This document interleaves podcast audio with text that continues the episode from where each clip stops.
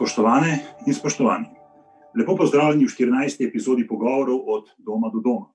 Hvala, da ohranjate zanimanje za teme, ki jih je zdravstvena kriza potisnila v zadje, čeprav je tudi o njih potrebno govoriti in še prej poiskati, ter seveda udejanjati rešitve, ki bodo izboljšale življenje ljudi. V današnjem razgovoru se je, zahvaljujoč angažiranosti mojega gosta, težko omejiti le na nekaj tem, čeprav ki pač nekako določa kratek čas, ki je odmerjen za ta pogovor. Ko sem bil predsednik državnega zbora, naj, naj jo zarjaži vrhovnikom najprej povezala cesta. Žal še vedno ne izgrajena tretja razvojna os, za katero si prizadeva kot koordinator mladinske inicijative. Ob času, ki ga namenja v boju za cesto, ki naj bi Korošice in Korosce povezala s preostalim delom Slovenije, pa je Aljaš tudi generalni sekretar Zveze Združenih borcev za vrednote narodno-civilnega boja Slovenije, ter aktiven na toliko področjih, da bi ga še najlažje predstavil kot družbeno-političnega aktivista, oziroma mladega družbeno-političnega aktivista, kot nekoga, ki zelo dobro ponazarja kilatico italijanskega filozofa Antonija Gramscija, da živeti pomeni biti angažiran. Aljaš, lepo pozdravljen in hvala, da si vzel čas za današnji razgovor. Lepo zdrav, Mila, in hvala za tvoje povabilo. Zdaj, seveda, ti pogovori so nastali iz neke, ja, nekega odgovora tudi na vladne omejitve, ter naše samo omejitve ob epidemiji koronavirusa. Seveda, zato ne morem mimo najprej prvega vprašanja. A se je Koroška v preteklih tednih zdela še dlje od Ljubljane kot običajno? So bile specifične potrebe Korošic in Koroscev po tvoji oceni upoštevanje v ukrepih za zajezitev epidemije in obladovanje njenih posledic? Ja, tudi Koroško je prizadela ta razglasitev epidemije. Eh, ta oddaljenost, kot si omenil, je res bila še nekoliko daljša. Eh, nastale so težave že samo z prehodom občinskih meja. Eh, pri nas so nekatere občine tako majhne, da, da nimajo na voljo vseh institucij. Eh, zdaj se bo celo zgodilo, da že v drugi eh, koroški občini ne bo več banke, ker jih bodo ukinili. Eh, tako da to so čisto taki realni problemi, s katerimi se ukvarjamo na koroškem. Tudi pri nas je primankovalo te zaščitne opreme. Sodeloval sem na nekaj sestankih našega odbora civilne zaščite kot podžupan, tako da sem bil tudi seznanjen o teh težavah. In seveda, korožci smo, kot pravijo, vedno za mušter bili, tako da so tudi prostovoljci pri nas preskočili na pomoč, da so šivali te maske in da smo se pač na takšen način poskus, poskušali sami organizirati, da smo čim prej se spopadli z tem obdobjem. Je pa veliko vprašanje, kaj bo prinesla prihodnost. Namreč edini, bi rekel, socialni stebr gospodarske slike na Koroškem je še vedno gospodarstvo ki je precej tradicionalno usmerjeno in deluje v naši regiji. In seveda, če se strese ta stebr na Koroškem, potem so lahko kar velike težave in upam, da do tega ne bo prišlo. No, če greva zdaj na tisto, kar Korošci najbolj pogrešate, torej na cesto. V tej mladinski inicijativi za tretjo razvojno oste pred kratkom začeli z novo akcijo z avtomobilskimi nalepkami, s katerimi pošiljate sporočilo vsem, ki blokirajo ta projekt izgradnje ceste. Kakšno je trenutno stanje na tem projektu, um, za katerega se je parka že zdelo, pa tudi tokrat, da se je začel premikati? Je, to je res svoj vrsten fenomen, ta tretja razvojna os. Eh, leta 2004 se je začel uradni postopek v Sloveniji za izgradnjo tretje razvojne osi. Ideje obstajajo že iz 70-ih let, ko se je v Sloveniji snoval ta avtocestni križ. Eh, torej konkretno je pa 2004, ko se je pričel postopek umeščanja v prostoru med eh, Štajersko avtocesto in pa Slovengradcem, pa tudi naprej eh, proti krajem, kjer jaz živim, torej proti Mežiški dolini. Po skoraj desetih letih je bil sprejet prvi državni prostorski načrt za odsek Velenje Slovengradec in čakal pravzaprav na milost in nemilost do lanskega leta, ko smo po mnogih sestankih in aktivnostih prišli do tega, da se je začelo realno govoriti o prvi lopati. To pomeni, da je država začela odkupovati zemljišča na tej trasi, da je potem na, na pobudo naših pritiskov našla prvi pododsek med Velenjem in Slovengradcem, čeprav govorimo o to o razdalji 30 km, ko bo zgrajena ta, ta cesta. Torej, da bi se tam lahko gradnja pričela, ampak birokracija vedno v Sloveniji poskrbi za zaplete. Eh, ko smo že mislili, da tega več ne bo, ko je bilo potrebno izdati gradbeno dovoljenje, se je pojavilo neko okoljevarstveno združenje, ki ima sedež v novem mestu, vložilo tožbo na upravno sodišče zopr izdano gradbeno dovoljenje, ki seveda omogoča pričetek gradnje ceste na Koroško v enem kraju Gabrke, ki je postal potem zdaj znan po vsej Sloveniji, ker se o tem veliko govori v medijih. Eh, potem so seveda tukaj eh, zapleti vedno znova z prijavo oziroma iskanjem izvajalcev gradbenih del, zdaj eh, dar se že drugič, torej popravlja ta razpis, ko mora upoštevati pritožbe državne revizijske komisije, zdaj je drugič odločal o priznanju sposobnosti tistim, ki so se prijavili v prvi fazi, zdaj je bila druga faza. Ravno te dni se bo izvedelo, ali je bila v drugi fazi izdana pritožba, če te ni bilo, bi to pomeni, da bo sledila naslednja faza, ko bo odločala o izboru izvajalcev samo še cena. Eh, jaz si želim, da bi torej čim prej izbrali kogarkoli, pač samo da bi se gradnja uh, čim prej pričela, kajti na to prvo lopato se zdaj nekako vleče vse od lanskega leta, ravno zaradi teh pritožb. Vmes je bila še ustavna pritožba v zvezi z državnim prostorskim načrtom v spodnjem delu trase, potem pojavljajo se razne inicijative v zadnjem obdobju, ki pač nekako v skladu z nekimi okoljskimi trendi ali iz kakšnih drugih razlogov temu nasprotujejo, tako da zapletov ne manjka.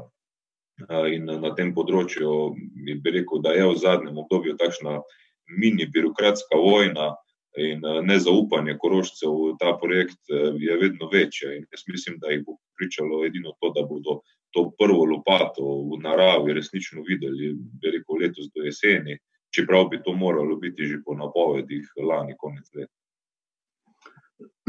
Ja, to, to je neka stvar, ki politiki ne more biti v čast. Uh, tudi, uh, bom rekel, javni upravi, če hočeš, uh, pravzaprav nobeno v Sloveniji, čeprav gre za projekt, ki je res uh, pomemben za, za, za povezave. Ampak tisto, kar, kar je pa posebej zanimivo, je pa vloga mladinske civilne inicijative. Ta se je uspela uveljaviti kot eden izmed ključnih sogovornikov na različnih ravneh odločanja. Odkot ideja in odkot potreba za takšno obliko angažmaja? Ja, to je zanimivo. Bilo je leto 2014, mislim, niti približno nismo predstavljali, da bomo postali tako resen sogovornik z državo, z Darsom, z lokalnimi skupnostmi. Eh, takrat smo na ravnah pripravljali strategijo za mlade v okviru mladinskega sveta ravne, kateremu predsedujem od leta 2011 in prišli smo do ene ugotovitve bega možganov. Torej, eh, kasneje smo pripravljali eno študijo, ki je dobila pomenljiv naslov Hočemo testo, v njej pa smo obdelali uradne statistične podatke, ki kažejo na to, da se je skoraj 38 odstotkov zmanjšala populacija mladih do 29 let na Koroškem v obdobju 1991-2015, kar je zelo zaskrbljujoč podatek. In takrat smo se potem odločili, da ustanovimo, eh, kar je zelo popularno v zadnjem obdobju, civilno inicijativo, ampak mi smo rekli, mi smo pa mladinska inicijativa, inicijativa mladih, ki se bori za tretjo razvojno os. V tem smislu se precej razlikujemo od večine inicijativ, ki vedno nečemu nasprotujejo, mi pa smo tisti, ki nekaj podpiramo, torej podpiramo gradnjo tretje razvojne vsi. In v tej študiji hočemo cesto, smo nanizali tudi devet vidikov, zakaj je to pomembno. Torej, poleg tega bega možganov, tudi varnostni vidik, ki kaže na to, da se na primerljivi razdalji avtoceste zgodi približno 70 odstotkov manj prometnih nesreč, da je na trenutni cesti Arja vas zdrav grad se zgodilo ne več prometnih nesreč s smrtnim izidom v Sloveniji. Potem je to gospodarska slika, ki kaže zelo dobre kazalnike in mnogi drugi, s katerimi smo pač utemeljevali, da se mora torej ta cesta nujno zgraditi, kajti vmes je prišlo do enega obdobja, to je bilo ravno 2014-2015, ko je vlada razmišljala, ali je sploh smiselno graditi to cesto. Eh, da pač ekonomsko ni upravičena, da je predraga in tako naprej. Eh, mi pa smo prikazovali številke, da v bistvu koroško gospodarstvo skupaj z eh, velenskim okolišem na letni ravni ustvari več kot milijardo evrov dodane vrednosti in si dejansko na nek način sami plačamo to vrednost te ceste v enem letu. In s temi podatki smo seveda veliko se pogajali, vmes smo imeli tudi proteste, bila je tudi kakšna zapora ceste in počasi prišli tudi do podpisa sporazuma z Cerarjevo vlado, torej dokdaj bi se to naj začelo. Bom rekel, za nekimi nekaj mesečnimi odstopanji je ta sporazum še vedno aktualen, nekako ga je ponotranila tudi prejšnja vlada Marjana Šarca. No, zdaj za to tretjo vlado prihajamo v stik, zdaj je bilo to obdobje, ko stiki neposredni niso bili mogoči, pa vendarle vzpostavljamo komunikacijo, ker pač želimo sodelovati z vsako oblastjo z željo, da bi do te gradnje prišlo. Tako da naša iniciativa deluje spontano, nima nekega posebnega načrta aktivnosti, ima pa osrednji cilj to, to pa je, da se na Koroško zgradi ta nujno potrebna cesta.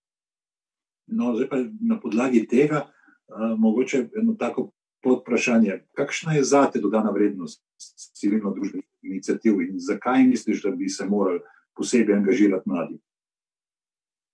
Ja, ta naša mladinska iniciativa je en šolski primer, da če se človek angažira, je lahko še tako nemogoč projekt postane realnost ali postane upanje. Jaz vedno pravim, da tretja razvojna os je upanje za Koroško, namreč sama izgradnja še ne bo nič spremenila, potem je odvisno od nas Korošcev, kako bomo znali uporabiti to infrastrukturo, da se bomo kot regija okrepili, da bodo prišli k nam novi gospodarski projekti. Bivanjske okoliščine na Koroškem so že zdaj zelo kvalitetne, problem je, da pač manjka stanovanj pri nas, ampak tudi to se v zadnjem obdobju, bi rekel, ureja. Tako da to jaz jemljem predvsem kot neko cesto upanja in mislim, da, da če smo mladi aktivni državljani, da so to neki drugačni pristopi, da ne smemo biti pesimisti in se kar sprijazniti, da pač tako je in drugače ne bo, ampak da je, da se aktivno državljanstvo obrestuje, da je sicer na trenutke zelo naporno, ampak če imaš rad svojo domovino, moraš za njo tudi nekaj narediti, torej najprej moraš nekaj prispevati, da lahko potem od domovine tudi nazaj nekaj pričakuješ. Zdaj, ta iniciativa za tretjo razvojno os ni edino združenje, kjer si zelo aktiven. Med drugim si v okviru Zveze združenj borcev narodnoosvobodilnega oziroma za vrednote narodnoosvobodilnega boja prizadevaš tudi za ohranjanje teh vrednot, ki so vodile ta narodnoosvobodilni boj med leti enainštirideset, devetnajststo enainštirideset, devetnajststo petinštirideset. Sam seveda s tem nimaš neposredne izkušnje, tudi večina članstva je primerjavi s samo iniciativo mnogo starejša. Ampak a je vseeno med tema dvema področjema kakšna povezava, je možno potegniti kakšne vzporednice? Ja, jaz te vzporednice vidim predvsem v vrednotah, ki so odlikovale borce, partizane, torej enainštirideset, petinštirideset, to tovarištvo, ta uporniški duh, ta želja po tem, da se bi nekaj spremenilo, torej da bo prišla svoboda.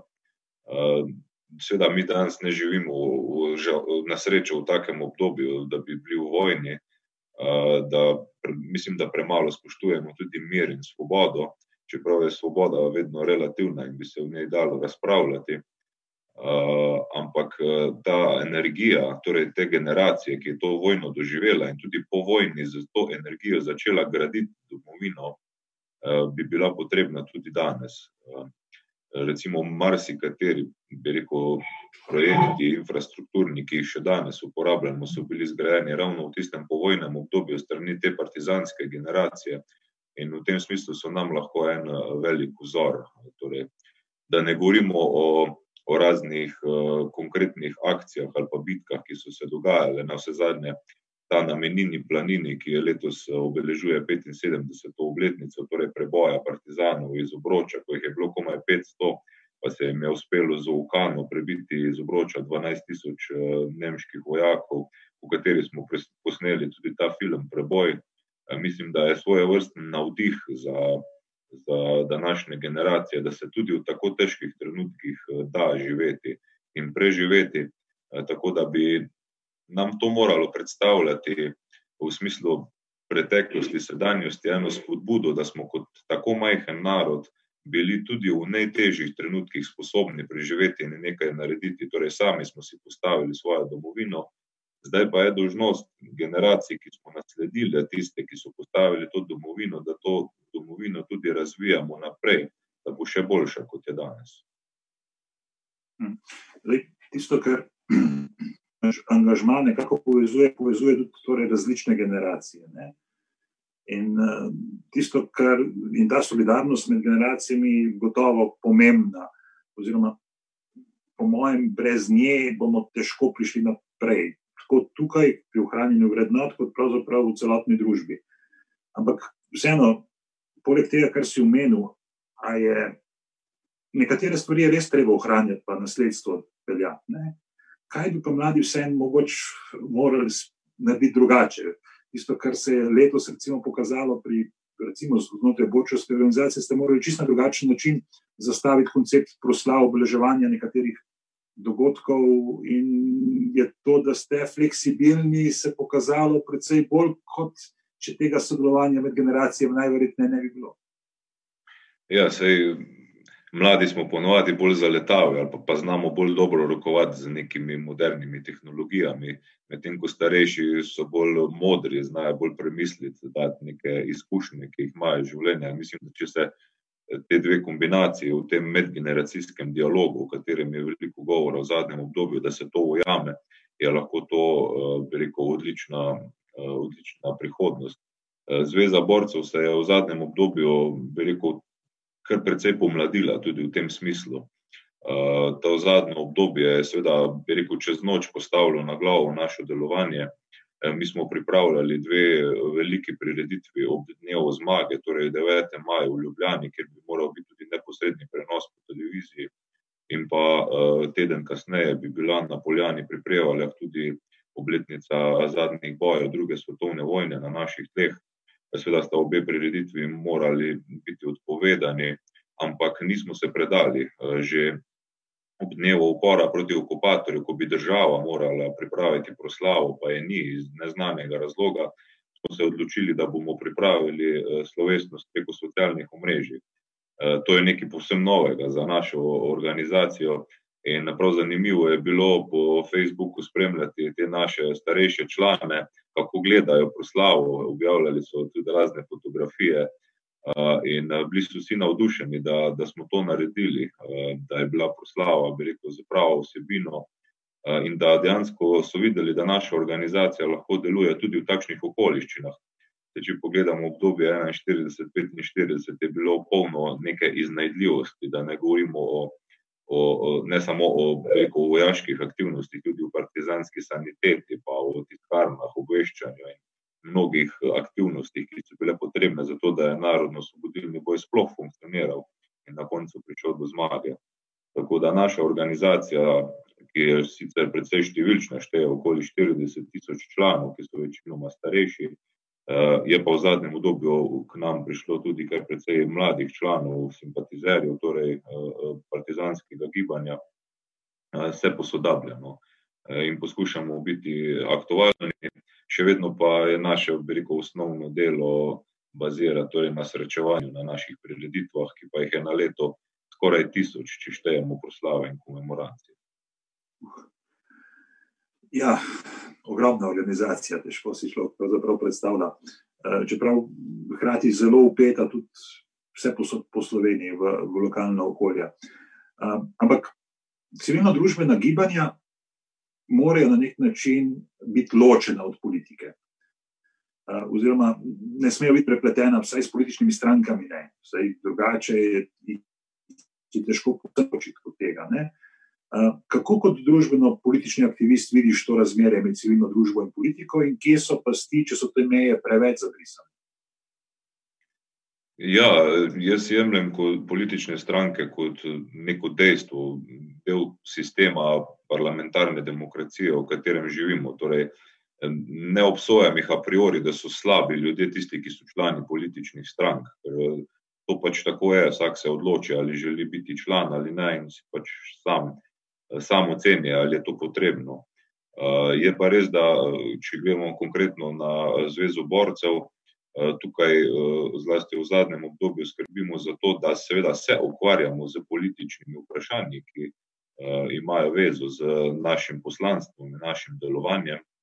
nikakor pa ne delujemo rekel, v smislu ožjih političnih interesov, torej kot politična stranka, ampak delujemo kot civilno gibanje, ki podajamo neka stališča, mnenja, kajti smo organizacija, ki obstajamo že več kot sedemdeset let, imamo neko tradicijo, tukaj se združujejo ljudje, ki so nekaj naredili za to domovino in pač imajo to avtoriteto, da lahko dajo mnenja in predloge, da tudi poskrbimo za kakšno rešitev.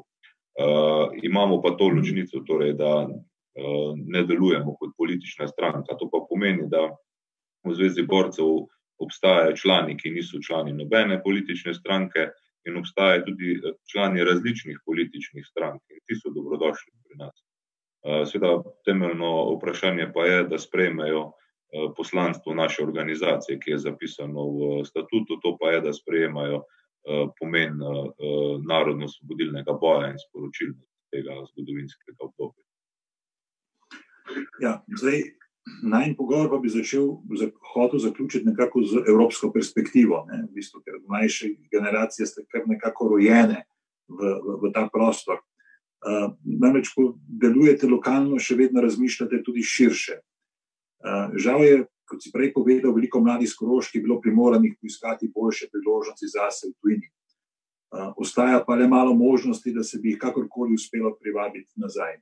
Kako bi lahko bolje izkoristili članstvo v Evropski uniji, torej ne le v smislu možnosti prostega prehajanja meja za zaposlitev in življenje drugih članicah Evropske unije?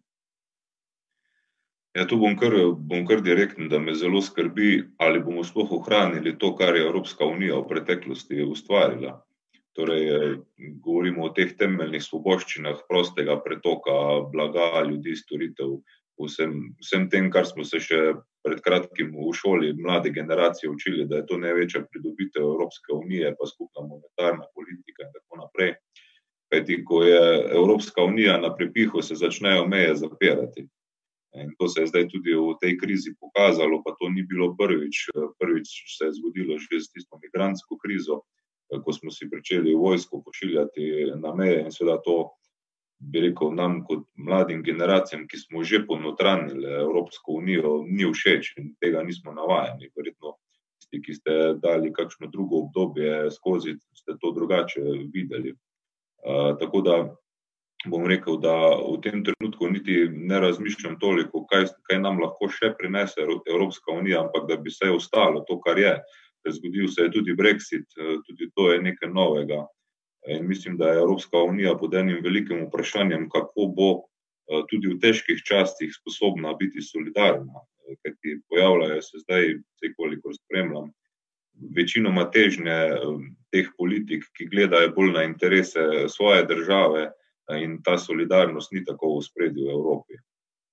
in ta solidarnost je pa seveda podlaga za to, da lahko tudi manjše države izkoristijo te priložnosti, torej bodisi te študentske izmenjave, ki so zelo popularne, koristne, da naši mladi ljudje gredo lahko po Evropi, tam pridobijo izkušnje in se potem tudi vrnejo domov, da smo potem tudi mi za njih, toliko zanimivi, da lahko pri nas delujejo. ampak, ja, verjetno bo ta kriza v Evropski uniji, pokazala še kakšne druge razsežnosti, koliko smo si sposobni dejansko pomagati. Tudi te pomoči, ki so zdaj na voljo, ki jih bodo vlade uporabljale, bo verjetno naša pa še generacije za nami verjetno vračale ta, to pomoč in se bo to tudi pokazalo, koliko smo, rekel, v resnici solidarni v Evropski uniji. Ja, čeprav bom tako rekel, zavedanje o solidarnosti v primerjavi s prejšnjo krizo, ki je najbolj prizadela Grčijo, torej finančno, tudi nas je, skoraj smo bili pod, pod trojko, je malo večje zavedanje, da je treba malo mislim, malo, ja, vprašanje je, kakšen kompromis se sklene. Ampak se pa zgodi ena taka zadeva, zanimiva stvar, ne, v iskanju širokega konsenza se včasih kakšna vrednota vladavine prava, tudi človekovih pravic malo potisne v ozadje, pojavijo se lahko dvojni standardi, na vzhodu eno, na zahodu drugo, ali pa celo pri sebi eno, v odnosu do drugega dela sveta pa nekaj povsem drugega, ne. In tule je ta dilema, v bistvu, koliko kompromisa, zato da vseeno skupaj nekaj naredimo in, da iz te krize izidemo, bom rekel, taki, da bomo lahko skupaj kaj naredili na tistih projektih, s katerimi smo prej začeli. Ne? Okolje, torej podnebne spremembe, digitalizacija, zdaj se pogovarjamo tudi o odpornosti. Um, tako da se bi pravzaprav strinjal, da je marsikaj odvisno od tega, kako bomo zdaj te besede, ker na ravni deklaracij še to nekaj gre. Ne? Kako jih bomo dejansko spravili v delovanje, je pa ogromno spet prenešeno na države. Če bodo te imele dobre projekte, bo ta denar na voljo, tudi nepovratna sredstva. Če te države ne bodo imele projektov, pa ne. Zdaj bo spet, na nek način, spet, tudi spet na vas. Mogoče se lahko zaradi teh okoljskih in drugih zadev spet na nek način kvalificirate za vsaj del financiranja tega, kar se običajno skozi evropske projekte ni dalo. Ja, temeljni problem pa se mi zdi, da v tem kriznem obdobju se je pokazalo, da države Evropske unije razmišljajo premalo evropsko in vse preveč nacionalno. Ne. Zdaj res so se vsi zaprli vase in pozabili so na sosednje države, ne prej so se meje zaprle. Tako da še bomo rabili nekaj časa, zlasti tiste države iz vzhoda, ki so rekel, se na zadnje vključevali Evropsko unijo, da, ponotr, da se ponotrani to evropsko razmišljanje. Ker vemo, da temeljna ideja, zakaj je sploh nastala Evropska unija oziroma predhodnica, je bila, da ni se vojna nikoli več ne bi ponovila. Da bi v gospodarskem smislu vsi v Evropi imeli dovolj, torej, da lahko živimo in da se ne bi vojskovali med sabo. V zadnjem obdobju pa žal je čutiti ogromne nestrpnosti, ki izvira iz nekega sovražnega govora, take slike pa smo pred drugo svetovno vojno že videli in upam, da se ta zgodovina v Evropi več ne bo kdaj ponovila. Ja, eh, vsekakor se pridružujem temu, kar si rekel. In kot sem predvideval, je časa za pogovor veliko manj kot tem, ki bi še lahko načela. Najlepša hvala še enkrat, da si se odzval mojemu vabilu, bil si običajen sogovornik. Vem, da ti in drugi člani Mladinske civilne inicijative ter Korošice in Korosci ne boste odnehali v svojih prizadevanjih za tretjo razvojno os vse dobro v tem boju želim in da bi lahko čim prej rekli, imamo cesto. Hvala tudi tebi, Milan, za vso podporo, ki nam jo daješ v aktivnostih, in hvala za današnji prijeten klepet. Spoštovane in spoštovani, vam pa se najlepše zahvaljujem za vašo pozornost danes in v preteklih tednih. S pogovori od doma do doma se poslavljamo do jeseni. Če ste katerega izmed pogovorov morda zamudili, ali pa bi si ga želeli ogledati ponovno, vabljeni k obisku mojega YouTube kanala, kjer bo dostopnih vseh 14. Hvala še enkrat in ostanite zdravi, razmislujoči in angažirani.